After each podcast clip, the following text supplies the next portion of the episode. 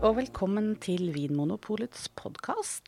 I dagens episode skal vi ta for oss et eh, nytt kapittel i eh, Eller vi skal ta opp igjen eh, Vinmonopolets historie. Episode 11 i vår serie om vår historie. I studio sitter Jens Nordahl, Anders Stuland, jeg heter Anne Engrav. Og vi skal fortsette litt der vi slapp. Vi var egentlig midt i uro og eh, kampvilje og streik i lufta. Ja, konflikt. Konflikt. Mm.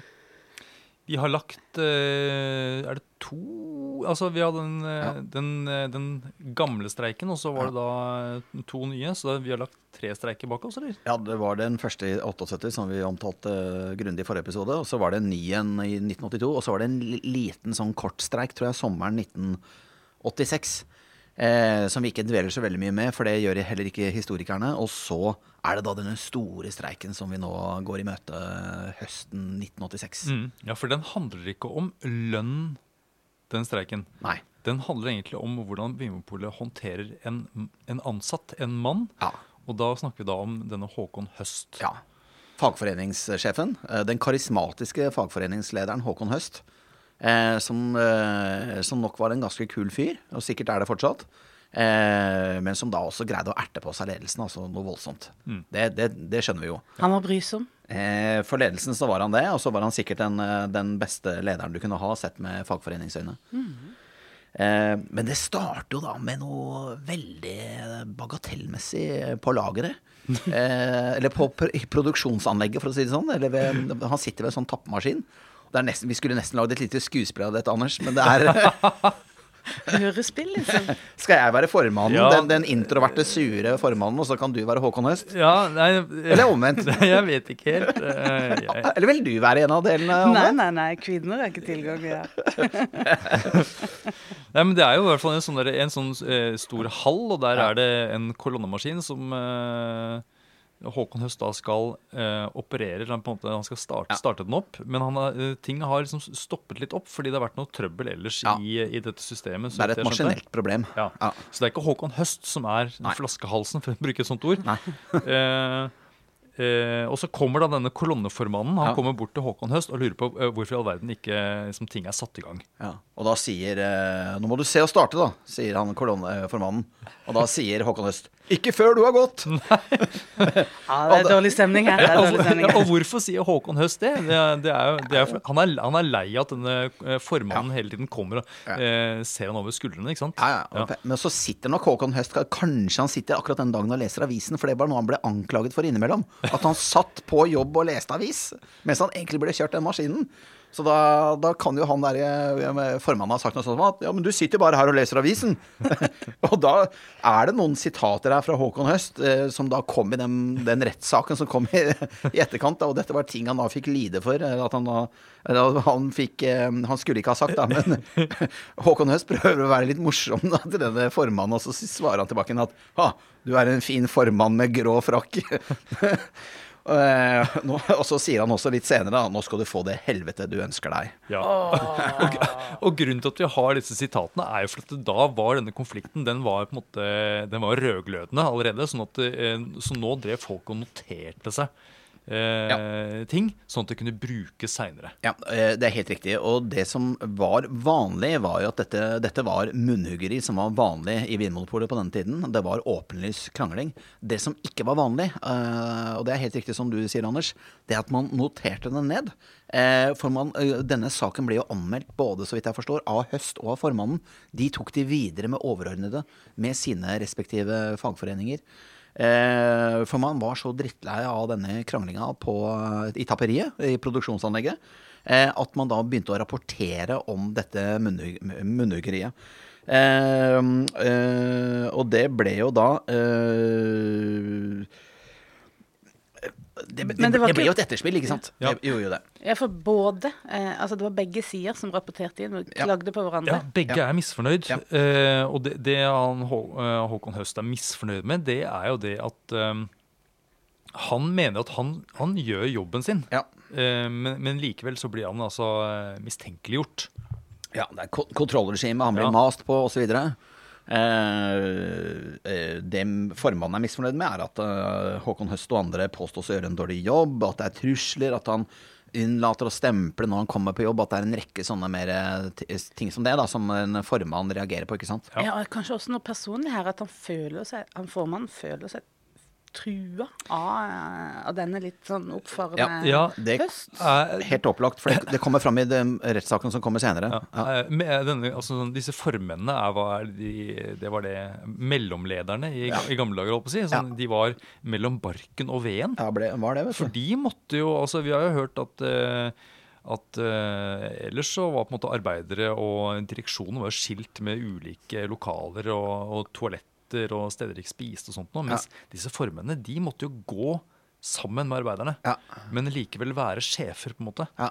Så de I var grå frakk. De var jo i en, I i en utsatt posisjon, og i et mindretall, regner jeg med også. Helt klart. Ja, så de hadde nok litt, eh, litt nerver, Eh, det, jeg for meg. Det, det hadde de helt Ja. opplagt. Og I hvert fall da så kommer det en reaksjon på eh, Håkon Høst sitt, eh, sine på en måte uvilje, for å si det sånn. Eh, han ble jo flyttet fra produksjonsanlegget til lageranlegget, og det oppfattet jo han som en sterk degradering, og det, det har det nok vært også. Ja. Eh, for på lageret så var det jo løsarbeidere, det var folk på attføring, og det var de som hadde alkoholproblemer. De eh, ble satt til å jobbe på lageret. Da var det jo litt sånn eh, Jeg vet ikke, Ja. jeg vet ikke hvorfor det var sånn, men det var liksom det var, eh, Han oppfattet det som en degradering. Og det store spørsmålet i etterkant ble da Var det arbeideren eh, Håkon Høst som ble degradert, eller var det fagforeningssjefen eh, Håkon Høst som ble degradert? Ja. Hvordan reagerte Høst på denne eh, behandlinga, da? Han droppet å komme på jobb. Han, han var sikkert på jobb litt innimellom, men han, han kom ikke på jobb regelmessig lenger. Han gjorde ikke det. Kan det være det samme? Ja. Sånn. Men, eh, for dette var da i 1986, ja. Ja. Og, da, og, og da hadde jo denne nye arbeidsmiljøloven Den kom jo da i 1977. Ja. Og den sier noe på en måte om sånn type medbestemmelse og, og, og sånne type ting, ikke sant? Eh, For, de som, for den ansatte. Så det var kanskje noen ting her altså, han, han mente vel at eh, her hadde ikke han fått noen medbestemmelse i, eh, i dette her, og blitt degradert. Ja, og så følte han nok at det var en symbolsk handling overfor fagforeningen. At her, eh, i kraft av å være leder, eller ja, øverste leder for fagforeningen i Vimopolet, så, så ble han da degradert. At Ja. dette var på en måte en symbolsk handling. De var ikke ute etter han Makt- av det. ja. Ja. Så han dropper å dra på jobb, og da sier jo Vinmonopolet at vel, altså, vi kan jo ikke ha ansatte som ikke jobber. Så da ville de jo si han opp. Eh, og eh, på et styremøte 1.10.1986 så går da styret sin tilslutning til denne beslutningen om at Håkon Høst skulle bli sparket, rett og slett. Og det det, er jo veldig kort tid etter denne her episoden med etikettmaskinen, for det var jo 2. september. Så det har jo bare gått én måned Det er godt en måned, ja. før ja. styret sier 'han må sies opp'. ja for ellers så ting, tar jo ting relativt lang tid i Vinmonopolet, men her har det gått ganske fort. Ja, det reagerer jeg på også. Uh, men jeg, altså, sånn strengt tatt, en mann som ikke møter på jobb, da Jeg, jeg skjønner jo at Ja, mm, Man må ha noen sanksjoner. Ja. Og kanskje reagere da. Og da var det Da var det i hvert fall lynsjestemning i bedriften. ikke sant? For da var det sånn at det var et eget administrasjonsbygg, og så var det et eget produksjonslokale. Ja. Og når eh, da styret for styret behandler denne saken ikke sant, den 1. oktober eh, Og det visste alle, eh, selvfølgelig, at den dagen så skulle det behandles. Eller, Ja. ja. Altså i reneste sånn der eh, storming av Kongressen-stil. Altså vi, det, det er nesten så jeg på en måte ser for meg disse, disse Trump-tilhengerne som, eh, som løper inn i Kongressen nå i januar i, i 2021. Ehm, så var det da i hvert fall 100 arbeidere som marsjerer over fra produksjonsanlegget til administrasjonsbygget. Og så står de da nede i vestibylen eller resepsjonen der og skriker og, og hoier og er ordentlig sinte. Dette må vel kanskje sies å være piken av den der eh, ulmende uroen som har vært, og den der munnhuggeriet som har liksom bare økt i styrke. De, de bryter seg inn, eller på en måte de kommer seg inn her da, i dette administrasjonsbygget. Og det er, som det står her i bøkene, ren lynsjestemning i, i resepsjonen. Eh, og da styreleder Platou, eh, denne høyremannen, kommer ned i vestibylen og forteller da at eh, styret har vedtatt at Høst mister jobben, så blir det masse buing, roping, skjellsord og høyrøstede insinuasjoner, som det heter. Ja. Så da er det nok ganske mange som sier hva de har lyst til å gjøre med Platou, da, og denge han og sikkert gjøre sånne ting, da, ikke sant.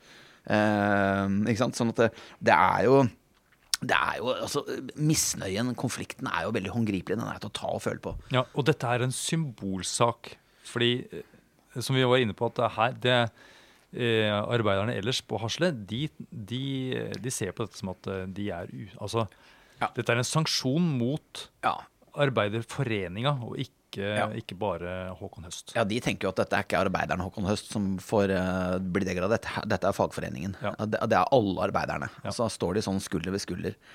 Eh, og da, da blir det jo eh, Da gjør Arbeiderforeningen De gjør jo alvor av truslene sine, og de, jeg tror de kalte det full krig. Altså det, hvis Håkon Høst mistet jobben, så kom det til å bli full krig. Og hva skjedde da? Eh, jo, da tok de jo De tok jo da et møte, da, og, og Eh, hvor de rett og slett bare behandlet en sak, og det var altså skulle de gå til streik eller ikke. Og da var det 216 mot én stemme for at de skulle gå til streik. Et, overveldende flertall. Men jeg, må, eh, jeg håper jo at det var et sånt, hva skal en, et sånt et anonymt valg, eller at man eh, Ja, den ene. Den ene. Det er jo litt ja. Ja, vedkommende hadde baller. Eh, Ja da, det, absolutt, altså. Eh, men, Integriteten i behold. eh, så så det, de stemmer da for streik. Ja. Det blir streik. Og kravet var Men det er, jo, det er jo en lovstridig streik. Det var det, men Ja. det var krav, nei, kravet var, Anne, var jo at Høst skulle få tilbake jobben sin. Ja. Ja, Enkelt og greit. ja. For her handlet det ikke om lønn. eller Nei. altså- nei. Eller arbeidsforhold Nei, eller noen ting. Det var nok en symbolsak også, for at det, og, og det var nok også, også et spørsmål om styringsretten. Altså hvor, eh, hvordan skulle bedriften få lov til å bestemme over sine ansatte? Og dette med styringsrett er jo alltid et interessant spørsmål når det er konflikter mellom, eh, mellom bedrift og ansatte, for å si det sånn. Eh, så den, denne saken, ja, sterk symbolsak, men den har jo også handlet om, om realpolitikk, for å si det sånn, skulle jeg tro. Eh, det må jo ha vært eh, Hvis da Høst hadde fått tilbake stillingen sin, så ville jo det vært en, sikkert en veldig sånn viktig seier for fagforeningen, da, for arbeiderne. arbeiderne. De kan ikke ta oss, liksom. Så da var det streik, men da, eh, det var jo ikke streik i, i hele landet. Det Nei, nei. var altså kun Hasle som ble Ja. rammet av streik. Og det, Ja. det henger litt sammen med at eh, Trondheim og Bergen de hadde, de hadde litt annet syn på, på saken. Og de Ja. var ikke så hva skal jeg si, eh, Radikale. radikale, kan vi si. Nei. Så de, eh, de var ikke med på dette her. Det var kun Hasleanlegget. Og de følte det vel ikke sånn på kroppen som de gjorde det på Haslene. Nei. Samtidig så kan det ha vært en radikal kultur der òg. Det er klart at du, du har jo sikkert hatt elementer her hvor, eh, eller personer da, som har vært, eh, vært ganske radikale. Som har på en måte greid å Kanskje feil å si eller farlig å si piske opp en stemning, men det er jo helt opplagt at det har vært noen, eh, vært noen radikale personer som sikkert har greid å farge litt av stemningen. da. Ja. Men, men så kan det gå- godt hende, som dere sier også, at det, at det har vært tøffest i Oslo. ikke sant? At et stort produksjonsanlegg trenger, eh, trenger fornyelse, får det ikke til fordi at alle, alle mulige sånne statlige organer sier at dere får ikke lov til å gjøre det. ikke sant? Altså, det er eh, høy turnover, veldig mange nye løsarbeidere. Eh, mye svinn, brekkasje altså det, det, det, er sikkert, det har sikkert vært tøft der òg, altså. Helt, helt opplagt. Ja. Ja.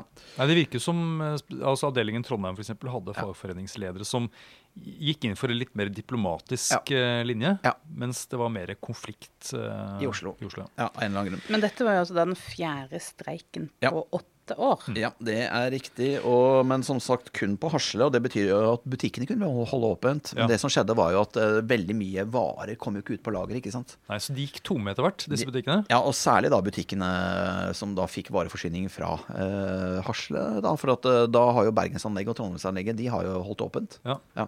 Så det var jo, dette var jo først og fremst en, en streik som hadde på en måte konsekvenser for vareutvalget på, på, Øst, på Sørlandet og på, på Østlandet. ja. Men det var ja, store byer. Oslo, Drammen, blant annet. Mm. Eh, og, da, men, og dette ble jo liksom gefundenes fresten ikke sant, i Dagbladet og VG og sånn. Og Dagbladet sa eh, butikkene blir tømt i løpet av en uke ikke sant, med krigstyper. Og, og VG, for dette var jo på høsten, ikke sant. Eh, VG sa ing, 'ingen dram til jul'. eh, og, Så det ble, da ble det nok hamstring, hvis vi skal liksom bruke disse, en historie fra krigen igjen. ja, ja, det ble hamstring. Ja. Som vi har sett under Vi har, vi har vel ikke sett under korona, men altså, vi har jo sett på en måte Vi har jo sett eh, folk eh, Ja, for- sto, Store kundemasser forflytter seg under korona også. Da, Ja. da butikkene stengte 23. januar i år. ja, for da hauses det opp, og da Ja. går mannen av huset. Ja. Og så etter to uker så var hyllene tomme. Ja, det var det. det, Men, var det. men butikkene var åpne. Men butikkene var åpne, eh, og da, eh, da er det mange som aner ugler i mosen for hvorfor i all verden holder Polets butikker åpne når det ikke er varer å selge. Eh, og da, da skjønte man jo at det var noe i kjømda, da. Og da driver jo ledelsen? De lager en sånn eh, en plan B. ledelsen lager et alternativt og hemmelig distribusjonsnett. For at alle varene er på Hasle. De får dem ikke ut derfra. Og hva gjør man da? Jo, man ønsker jo da å få eh, Og da kan man ikke selge hjemmetappet vare. ikke sant? Da blir det jo om å gjøre å få inn mest mulig containere da fra utlandet ikke sant? med utenlandsktappet vare. Og få det distribuert eh, på annet vis. For det var jo eh, Vinmonopolet selv hadde jo distribusjon fra Hasleanlegget, ikke sant. Mm. Og der sto jo bilene. Sånn at eh, de måtte jo da, de måtte jo da få tak i, i varer fra annet sted hen, og de måtte jo også da få tak i transportører. Så de setter i gang da og gjør avtaler og, og, og får i gang et system der, eh, der det skipes opp eh, flasker fra Europa, sannsynligvis. Mm. Eh, som kommer da inn til, til havnene Er det, er det Oslo, eller? Ja, blant annet. Ja. ja da. Og så, og så, kjøres dette da til butikkene i all hemmelighet uten at uh, ja. arbeiderne på Hasle vet om det. Uh, ja, i første rekke. Ja. Men, men, de venter. Også, og jeg stusser over at ting går så raskt her. For at altså, uh, Håkon Høst og denne streiken den begynner jo da i begynnelsen av oktober, ikke sant, en eller annen gang. Men allerede fredag den 31. oktober, altså bare etter noen uker etter at de har gått ut i streik, så faller det jo en dom i arbeidsretten. Da har denne Håkon Høst-saken eller Høst-saken vært oppe og blitt behandlet av rettssystemet. Mm. Eh, og der hadde man jo slått fast, altså arbeidsretten slo fast at bedriften hadde styringsrett. Hadde rett til å si opp Håkon Høst når han ble flyttet. Eh, og altså fra produksjonsanlegg til lager, det hadde bedriften lov til. Eh, ut fra disiplinære hensyn. Eh, og så, eh, når da Håkon Høst ikke ikke kommer på jobb, når han velger å ikke dra på jobb, eh, så har da bedriften rett til å si han opp. Det fastslår eh, arbeidsretten 31.10, og det er en fredag i, eh, i 1986. Så her går ting veldig raskt. Mm. Men, og da har da Vinmonopolets ledelse i løpet av disse tre ukene som har vært liksom, mens denne streiken har vart, de har jo da lagd dette alternative hemmelige distribusjonsnettet. Men de venter med å kjøre ut varene til dommen har falt. De ønsker å ha jussen på sin side. Nettopp. De vil ha sitt på det tørre. Ja, rett og slett. Og hvilken, ja, hva, hva, gjør de der? De, dere kaller det Aksjon Trailer? Det ble kalt det. Ble den kalt det? Ja, den ble kalt Aksjon Trailer. Det er som en sånn eh, barnekrimbok. Ja, det er det det er. eh, og da samme helg, da. Altså, det, blir jo da, det blir jo da faktisk da lørdag 1. november og søndag 2. november. Så begynner da disse hemmelige vareleveransene fra kaia i Oslo. De har da greid å hoste opp et eh, lastebilfirma fra Askim eh, som frakter varene ut eh, til butikkene i Oslo.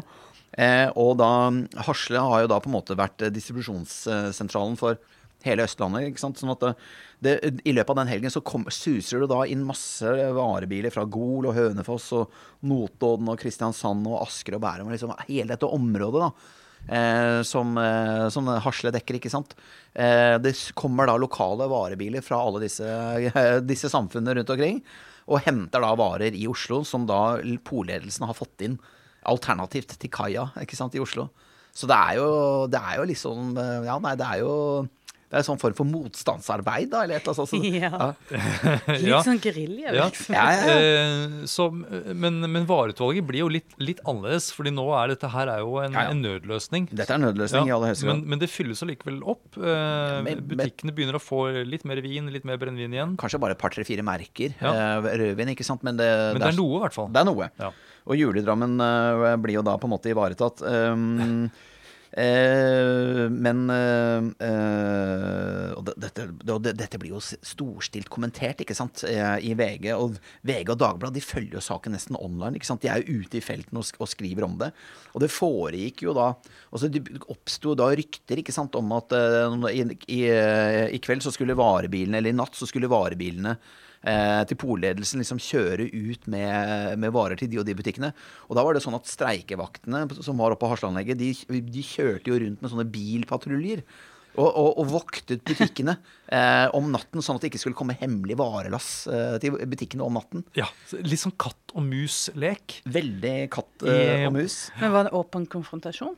Ble det noe eh, håndgemeng, eller? Det, eh? det ble omtalt som nattens slag, og, og og Nei, det var, nok ikke, det, det, det, var nok ikke, det var nok ikke batonger og folk som det var, Jeg tror ikke det var blod som brant, men det, det, var, det var nok blokkering av vareleveranser. Det var det. Og de ble vel respektert, disse streikeaktene? fordi de, Ja. altså, i, i hvert fall noen av disse eh, helgene og nettene, så, så klarte de å stoppe ganske mange leveranser. Ja da. Det, det gjorde de. Sånn at eh, Og vi må, eh, vi må litt videre her til For ting skjer jo veldig Ting skjer jo veldig raskt her, da. Men de var de, de kommer seg til Altså, streiken blir jo løst opp etter hvert, da. Den gjør det. Den varer ikke Den varer ikke i all evighet, nemlig.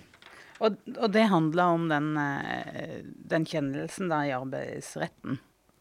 At den, de hadde retten på sin side. Ja. Derfor så kunne de ikke fortsette å streike. Ja, Det som skjedde, var at eh, etter, at arbeids, altså etter at arbeidsretten hadde tatt den beslutningen, så sa da polledelsen at nå må alle dere som streiker oppe på Hasle, nå må dere tilbake igjen på, på jobb i løpet av en ukes tid. Hvis ikke så mister dere jobben deres. Ja, for Da skjer det samme med dere som med Håkon Høst, Ja. rett og slett. Ja.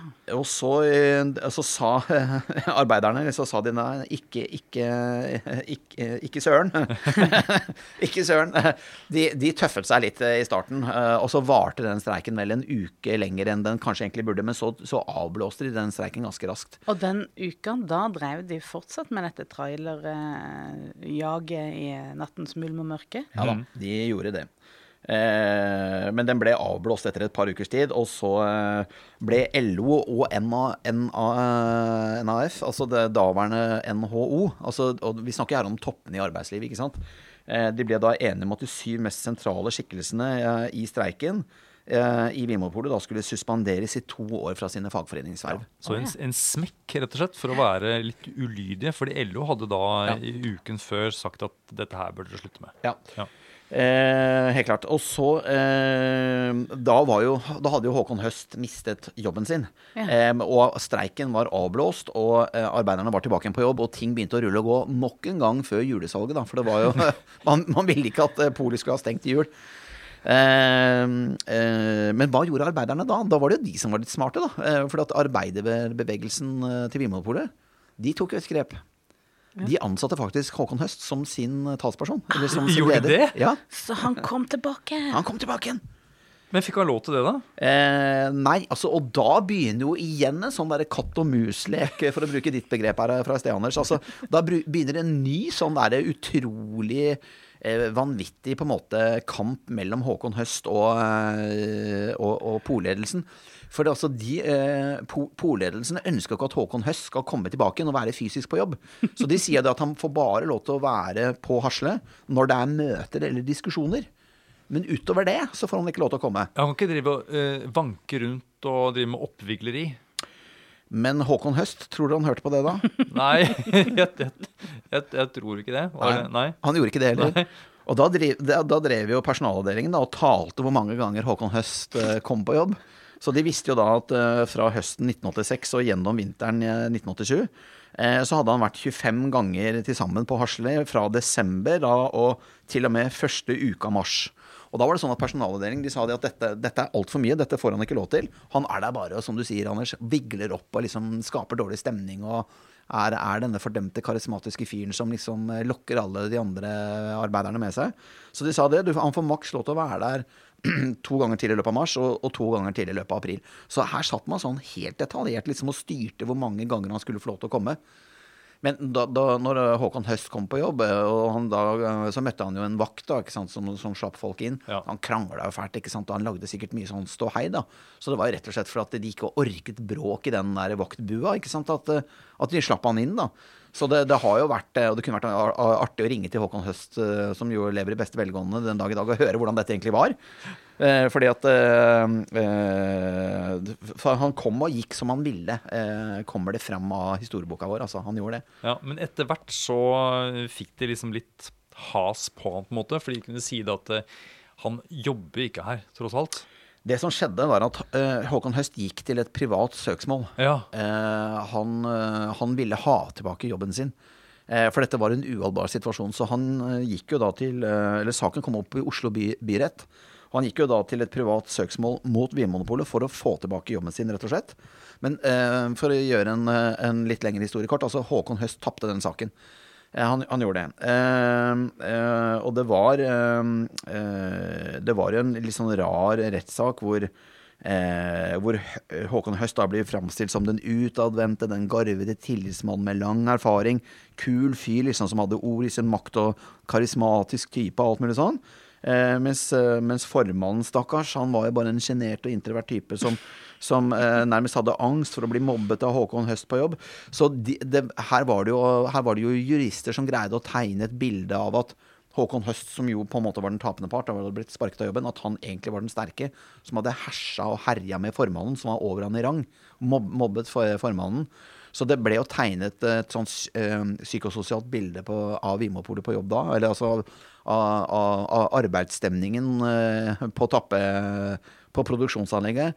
At det var jo at det var Håkon Høst da, som hadde herja og hersa ikke sant, med denne stakkars formannen som var så sakte over han i rang. da. Eh, og retten var jo delt, men et flertall i retten mente jo at Håkon Høst hadde opptrådt klanderverdig, eh, og at eh, Høst eh, fortjente sparken og miste jobben når han da ikke møtte på lageret, eh, som var den nye jobben som bedriften tilbød han, når han, når han da på en måte ble kasta ut av produksjonsanlegget. ja, for det er det som feller han til slutt i denne rettssaken. At han rett og slett ikke møter på jobb. Ja. Hadde han gått på jobb, så hadde det kanskje blitt et annet utfall. Ja, det, eh, det hadde det. Så eh, Oslo byrett er jo, da, er jo da delt, men et flertall av rettens medlemmer mener at Håkon Høst eh, må bære største del av skylden for denne konflikten. Eh, Håkon Høst ønsker å anke saken til Høyesterett og gjøre hva han kan for å få til det, men Kjæremålsutvalget avviste anken, og Høsts, eh, Håkon Høsts karriere var jo da, i, i Polet var jo da over, faktisk, med dette. Med denne rettslige kjennelsen. Men han har jo skrevet seg inn i polhistorien som en av de eh, virkelig sånn, eh, viktige personlighetene som vi tar med oss. Ja da, og jeg absolutt altså. Jeg, jeg syns det er veldig gøy eh, å lese om Håkon Høst. Han har vært en tøffing, og han lever jo i beste velgående. Han ble jo etter hvert statsviter og, og forsker, og ble jo da ekspert på forskning innenfor utdanning, og, og også forskning om forskning, og forskning på innovasjon. Så han fikk, fikk jo seg en helt ny karriere, og var jo en smarting som, som gjorde det bra. Eh, Til tross for at han drev og kasta appelsiner. han, eh, da var han 20 år, og jeg tror eh, noen av oss har gjort verre ting da vi var 20 år. Men alle disse streikene, de hadde jo en sånn De vekka jo opp en litt sånn skyggeside, da, som vi, vi kanskje må bare nevne litt. Dette med smuglere Brennevin, spritsmugling. Ja. Ja, det åpnet opp for business eh. Ja. på, liksom, i skygge, skyggesiden, ja. Ja, det gjorde det, ikke sant. For at når polet var stengt, ikke sant, så vi- folk ville jo ha brennevin. Folk, eh, nordmenn må jo ha alkoholen sin, for å si det litt uærbødig. Eh, det er jo et rykte vi har på oss fra, fra gammelt av. Eh, og det, det er som dere sier, det ble, jo, det ble jo spritsmugling. Det ble jo det. Og det som er litt morsomt, for det er jo det er nesten noe filmatisk over dette her. Det er jo det. Ja. Eh, og det var jo vår forhenværende administrerende direktør Kai Henriksen, som nå dessverre er død. Han, eh, han var jo da polsjef fra 2006 til eh, 2016. Men han, eh, og han kommer fra Ski, utenfor, utenfor Oslo, altså det som nå er eh, administrasjonstettsted. eh, Nei, ho hovedstad i, eller altså administrasjonssentrum i Nordre Follo. Unnskyld. Eh, eh, han kommer da fra Ski, eh, og eh, vokste jo da opp i Ski. Og jeg ser jo for meg liksom Og dette var da liksom på 50-tallet. Og det var eh, litt sånn støvete gater i Ski. ikke sant? Eh, Asfalten hadde ennå ikke kommet. Og vi kan liksom nærmest se, se støvet og, og buskene blåse gjennom Ski sentrum. Eh, Det var det, er, det er jo et sted hvor vinden blåser mye nå. Det er jo det, det er, Men det er så høye hus. Det er, det er, veldig mye mur. Det er, det er jo ikke et pent sted blitt i dag, altså. Det var kanskje penere den gangen. Var, men jeg, jeg, jeg, Men der bodde altså da lille Kai. Der bodde Kai. Eh, og eh, der bodde også en, en litt større gutt som het Erik Fallo, eh, som jo ble Norges spritsmuglerkonge på 80-tallet. Så han, eh, men all, det Kai fortalte da, var jo at eh, på, eh, på 50-tallet så var jo Erik Fallo Eh, han var jo da hele Ski, eh, Skis store skrekk. Og han ga jo alle guttene i gata bank, inkludert eh, Kai. Eh, og 40-50 år senere så er jo da altså Erik Fallo han er da Norges uh, ukronede eh, smuglerspritkonge. ikke sant? Mens Kai er jo da omtrent på samme tid så er jo han da poldirektør. Så det er jo, det er jo noe filmatisk over dette her. altså Hvordan de to guttene som havner på hver sin side av kall det loven, og på hver sin side av markedet eh, på, på 90-tallet, eller på 80-tallet, 90-tallet og 2000-tallet, de er jo da allerede, allerede godt kjent fra, fra ski. Eh, det forblåste ski mm. på, allerede på 50-tallet. Eh, og eh, Han fikk en flying start da, med disse her eh, stengte pola, tomme Ja, hyllene. så, og det er, jo det, det er jo det du elegant nå prøver å på en måte vikle sammen. Men hele problemet er at når konfliktene ble så store som de ble i Vinmonopolet på 70-tallet og 80-tallet, når det stadig ble streiker og butikkene til stadighet var enten stengt eller tomme for, for varer, så gir jo da dette, dette grobunn for en, en, eh, en illegal virksomhet som jo Norge slet med i veldig stor grad helt fram til eh, høsten 2002, når vi fikk den tragiske metanolsaken. Så de etter, det, det, det har jo alltid, altså Spritsmugling har jo alltid vært en sånn eh, paradegren i Norge. Eh, Arthur Omre skrev om dette her, ikke sant. Eh, 30-tallet og den type ting. Ja, og det, er enkelte, altså det har jo vært litt sånn mafia De, de sier det, de som kan det, at det har vært litt sånn mafia over det. For at det er jo familier, enkelte familier som har vært veldig gode eller veldig flinke til, eh, til spritsmugling. Eh, enkelte familier som har holdt i det på, på rent nesten sånn mafiavis. Men det er klart at man fikk jo da enda flere spritsmuglere, og den bransjen fikk jo et ekstra løft da. Eh, på slutten av 70-tallet og ikke minst på 80-tallet med alle disse polstreikene. Og det, var, det ble jo et samfunnsproblem, ikke sant? og det etablerer seg jo da kriminelle nettverk i Norge. Det- Man får jo da et samfunnsproblem som først eh, kulminerer delvis eh, etter den tragiske metanolsaken, som høsten eh, 2002, og den varte jo egentlig inn i våren 2003, tar jo livet av drøyt 20 personer. eh, for det meste østafjelsk, eh, eh, eller østafjells, eh, i et sånt rektangel på kartet fra Nord-Trøndelag og, eh, og øst for Langfjella, da, for å si det sånn, ned til liksom ja, eh, Porsgrunn, eller altså eh, Grenland, da, ikke sant. No, noe sånt. Så det viser kanskje også i, i hvilken del av landet dette nettverket hadde forgreninger. For det, vi så jo det at uh, Vinmonopolets salg av, vodka og annet blankt brennevin økte jo med 40% over natten, ikke sant, fra høsten 2002. Ja, ja. stemmer. Og det er jo også den direkte årsaken til hvorfor vi ikke tar imot uh, At vi ikke kan bytte brennevin på polet. Fordi at vi må være sikre på at det er ø, våre egne varer. Mm. Så, så Håkon Høst og på en måte interne kamper i Vinmonopolet og streikelyst og alt mulig sånn, det skapte da strukturelle problemer man ikke kunne på en måte ane konsekvensene av. Og det langsiktige konsekvenser som da hang igjen, i hvert fall til 2002. Og, og kanskje er disse smuglernettverkene fortsatt virksomme, jeg aner ikke. Så det er noe der, altså. Det er noe der. Uh, Ja, vi er fremdeles uh, i uh, Vi er i dette her eh, eh, opprøret, denne her eh, splittelsen mellom eh, ledelse og arbeidere. Ja. Eh, hvordan Altså, du har fortalt om en litt sånn At det er satt inn i en litt sånn større sammenheng. At Ja. dette er ikke bare Dette er ikke bare noe vinmonopolsk. Ja, for- det er lett å tenke at, eh, at dette var Håkon Høst Ja. eh, sitt arbeid som førte til, eh, førte til streikene. Men Ja, det, han ble jo sett på som en hemmelig agent for AKP, AKP-ML, ikke sant? En hemmelig agent, faktisk. Ja, Marxist-leninistene. Ja. Eh, og eh, i 1987, altså straks disse streikene og kampene var over, så gikk jo daværende, de daværende poltoppene, Rolf Hansen som var styreleder, og Kjell Christensen, gikk jo da, og denne Kjell Christensen som vel var nestleder i styret, eh, og som da var jobbet på SMK, som jeg snakket om tidligere i forrige episode, de gikk jo da ut med påstander om at de hadde begynt å jobbe i Vinmonopolet rundt 1980, begge to, for å ta opp kampen med AKP-ML, altså marxist-leninistene, altså veldig veldig radikale kommunister, ikke sant. Eh, Stalinister. altså De ble, de ble omtalt som stalinister, ikke sant. Eh, som da skulle, som da regjerte i Vinmonopolet og, og andre steder. Eh, og Arne Halvorsen, som da var denne informasjonssjefen til Vinmonopolet på den tiden, han sa det at Vinmonopolets ledelse de kjempet jo mot, marxist-leninistene. Eh, fordi de holdt på med eh, samfunnsnedbrytende krefter, både generelt i samfunnet, men også i Vinmonopolet. Og det var dette som gjorde denne kampen, ledelsens kamp mot Arbeiderforeningen i Vinmonopolet, mot fagforeningen og Håkon Høst. Det var det som gjorde den kampen så viktig. For man, det, de, ledelsen levde jo i en, en, en konspirasjon. Eh, om at eh, eh, De så altså en konspirasjon bak de streikende arbeiderne. Du sa jo i stad, Jens, at flere av de som var i ledelsen eh, i Vinmonopolet, de Ja. hadde tette bånd til Arbeiderpartiet. Ja. Ikke sant? Ja. Eh, og, ehm, og AKP ML, de var jo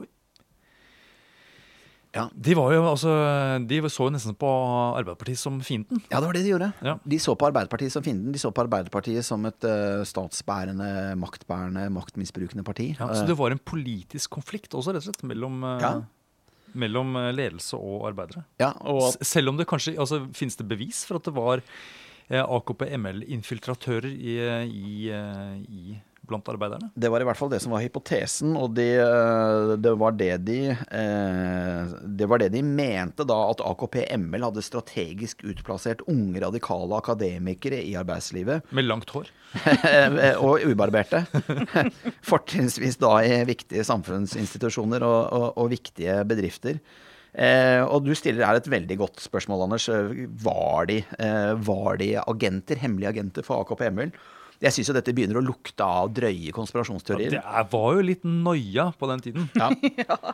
Eh, og man leser da dette inn i en sånn overordnet kamp mellom liksom, kapitalismen og kommunismen. Altså USA og Sovjet. ikke sant? Altså, det er liksom det som er den ideologiske overbygningen. Ja, Det var mapper, Ja. husker jeg.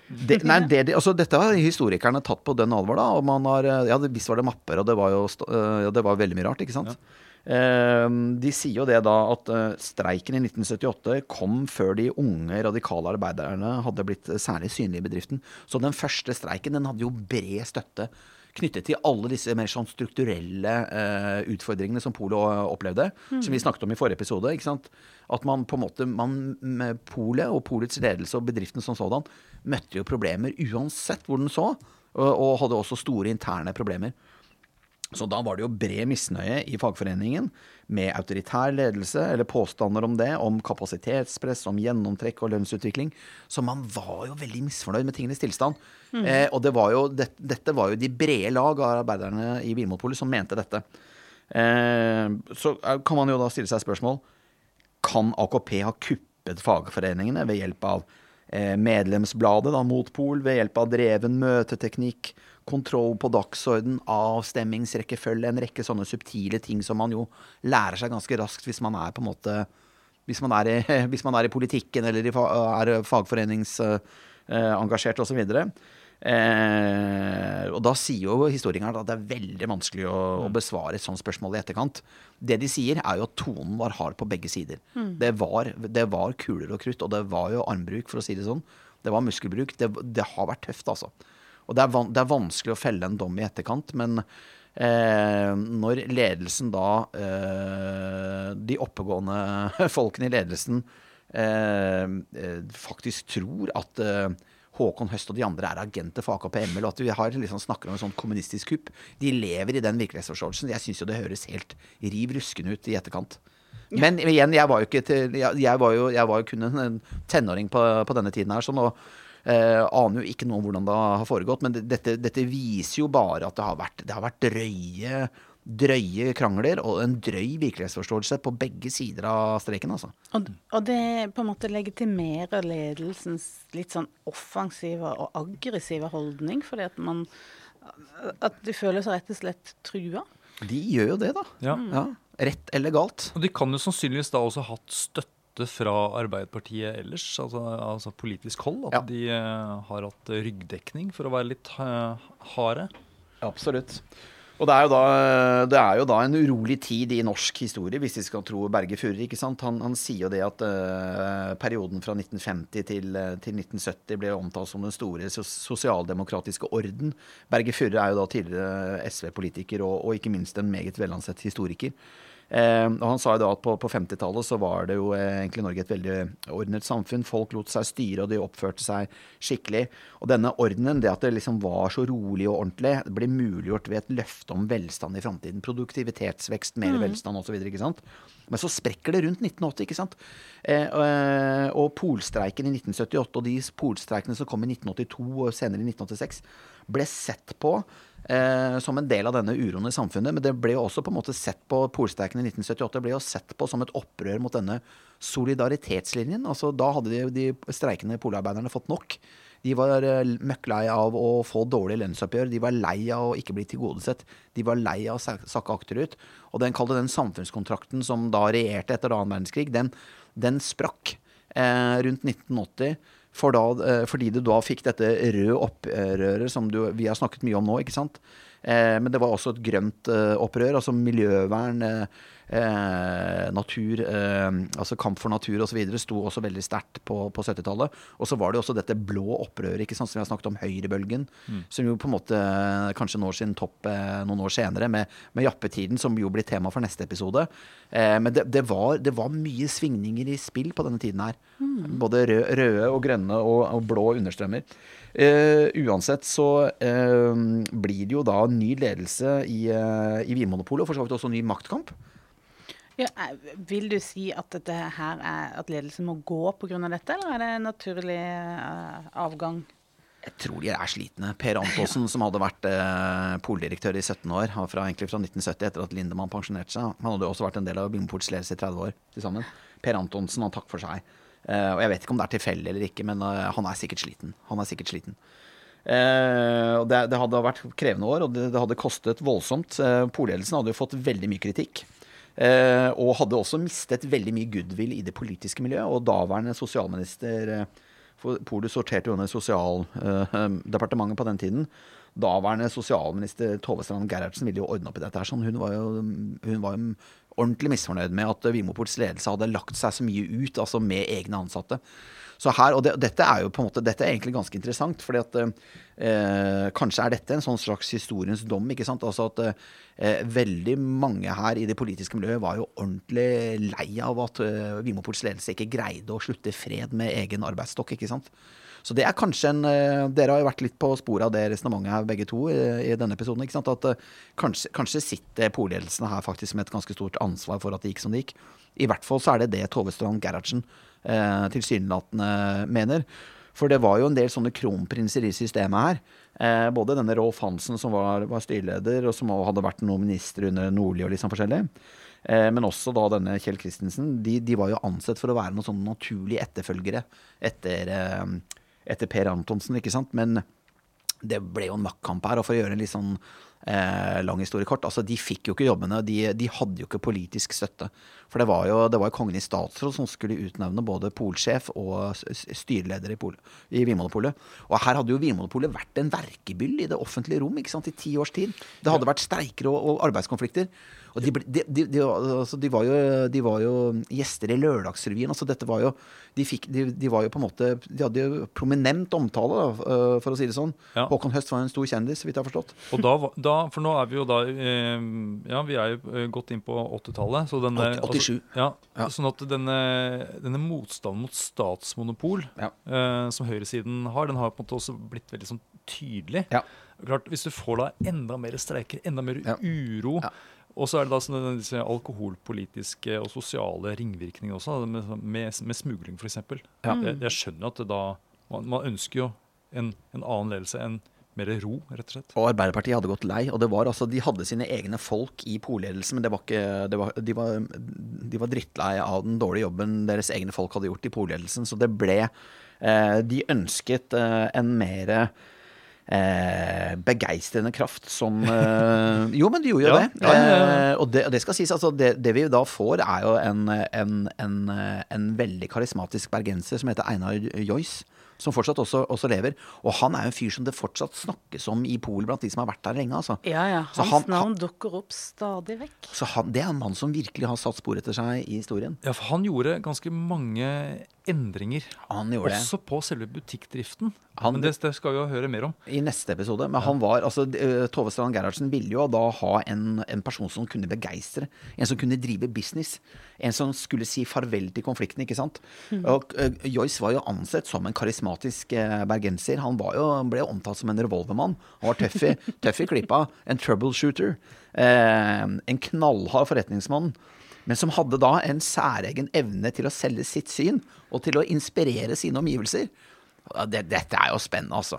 Jeg gleder meg til neste episode. Ja. Da skal vi dykke Ja. ned i, i Joyce og det han har betydd for, eh, for, eh, for bedriften. Altså, det er nok en eh, Ja. polpersonlighet som Ja, ja, ja. stiger frem her. Men vi går da inn i en del av 80-tallet som har på en måte litt mer hva skal jeg si, litt mer glede, engasjement, futt Ja, og det- handlekraft, på en måte.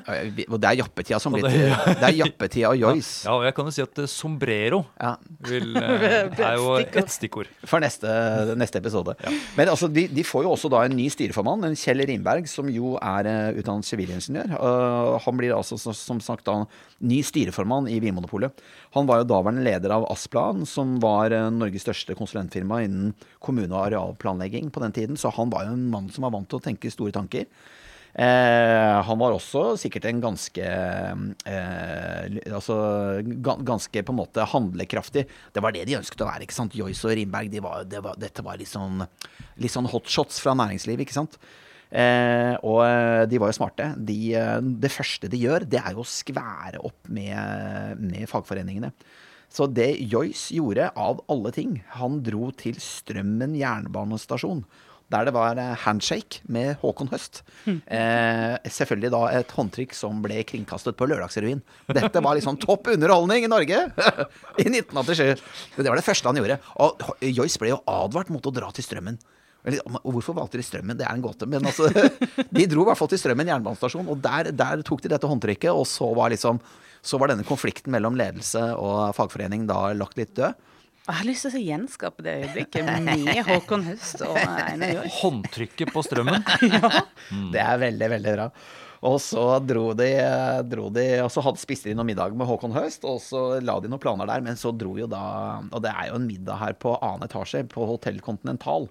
Eh, Hvor Joyce og Rimberg, altså ny AD og ny styreleder, da, de, de sitter der eh, og legger en rekke planer over, eh, over en bedre middag. Mens Ja, også for annen etasje, det er jo en, en av de virkelig eksklusive restaurantene i Oslo på den tida. Så der spiser de godt, og der drikker de godt. eh, Og de, det står jo da liksom at de etter hvert så legger de vekk bestikk og, og tallerkener. Og så begynner han eh, eh, altså han, eh, de begynner å legge planer. da, Den første planen de legger, er at de ansatte må få lov til å tømme seg for hat, sinne og bitterhet. Så de vil jo da gjennomføre en, en mer sånn spørreundersøkelse, en arbeidslivsundersøkelse, eh, på, på Vinmonopolet.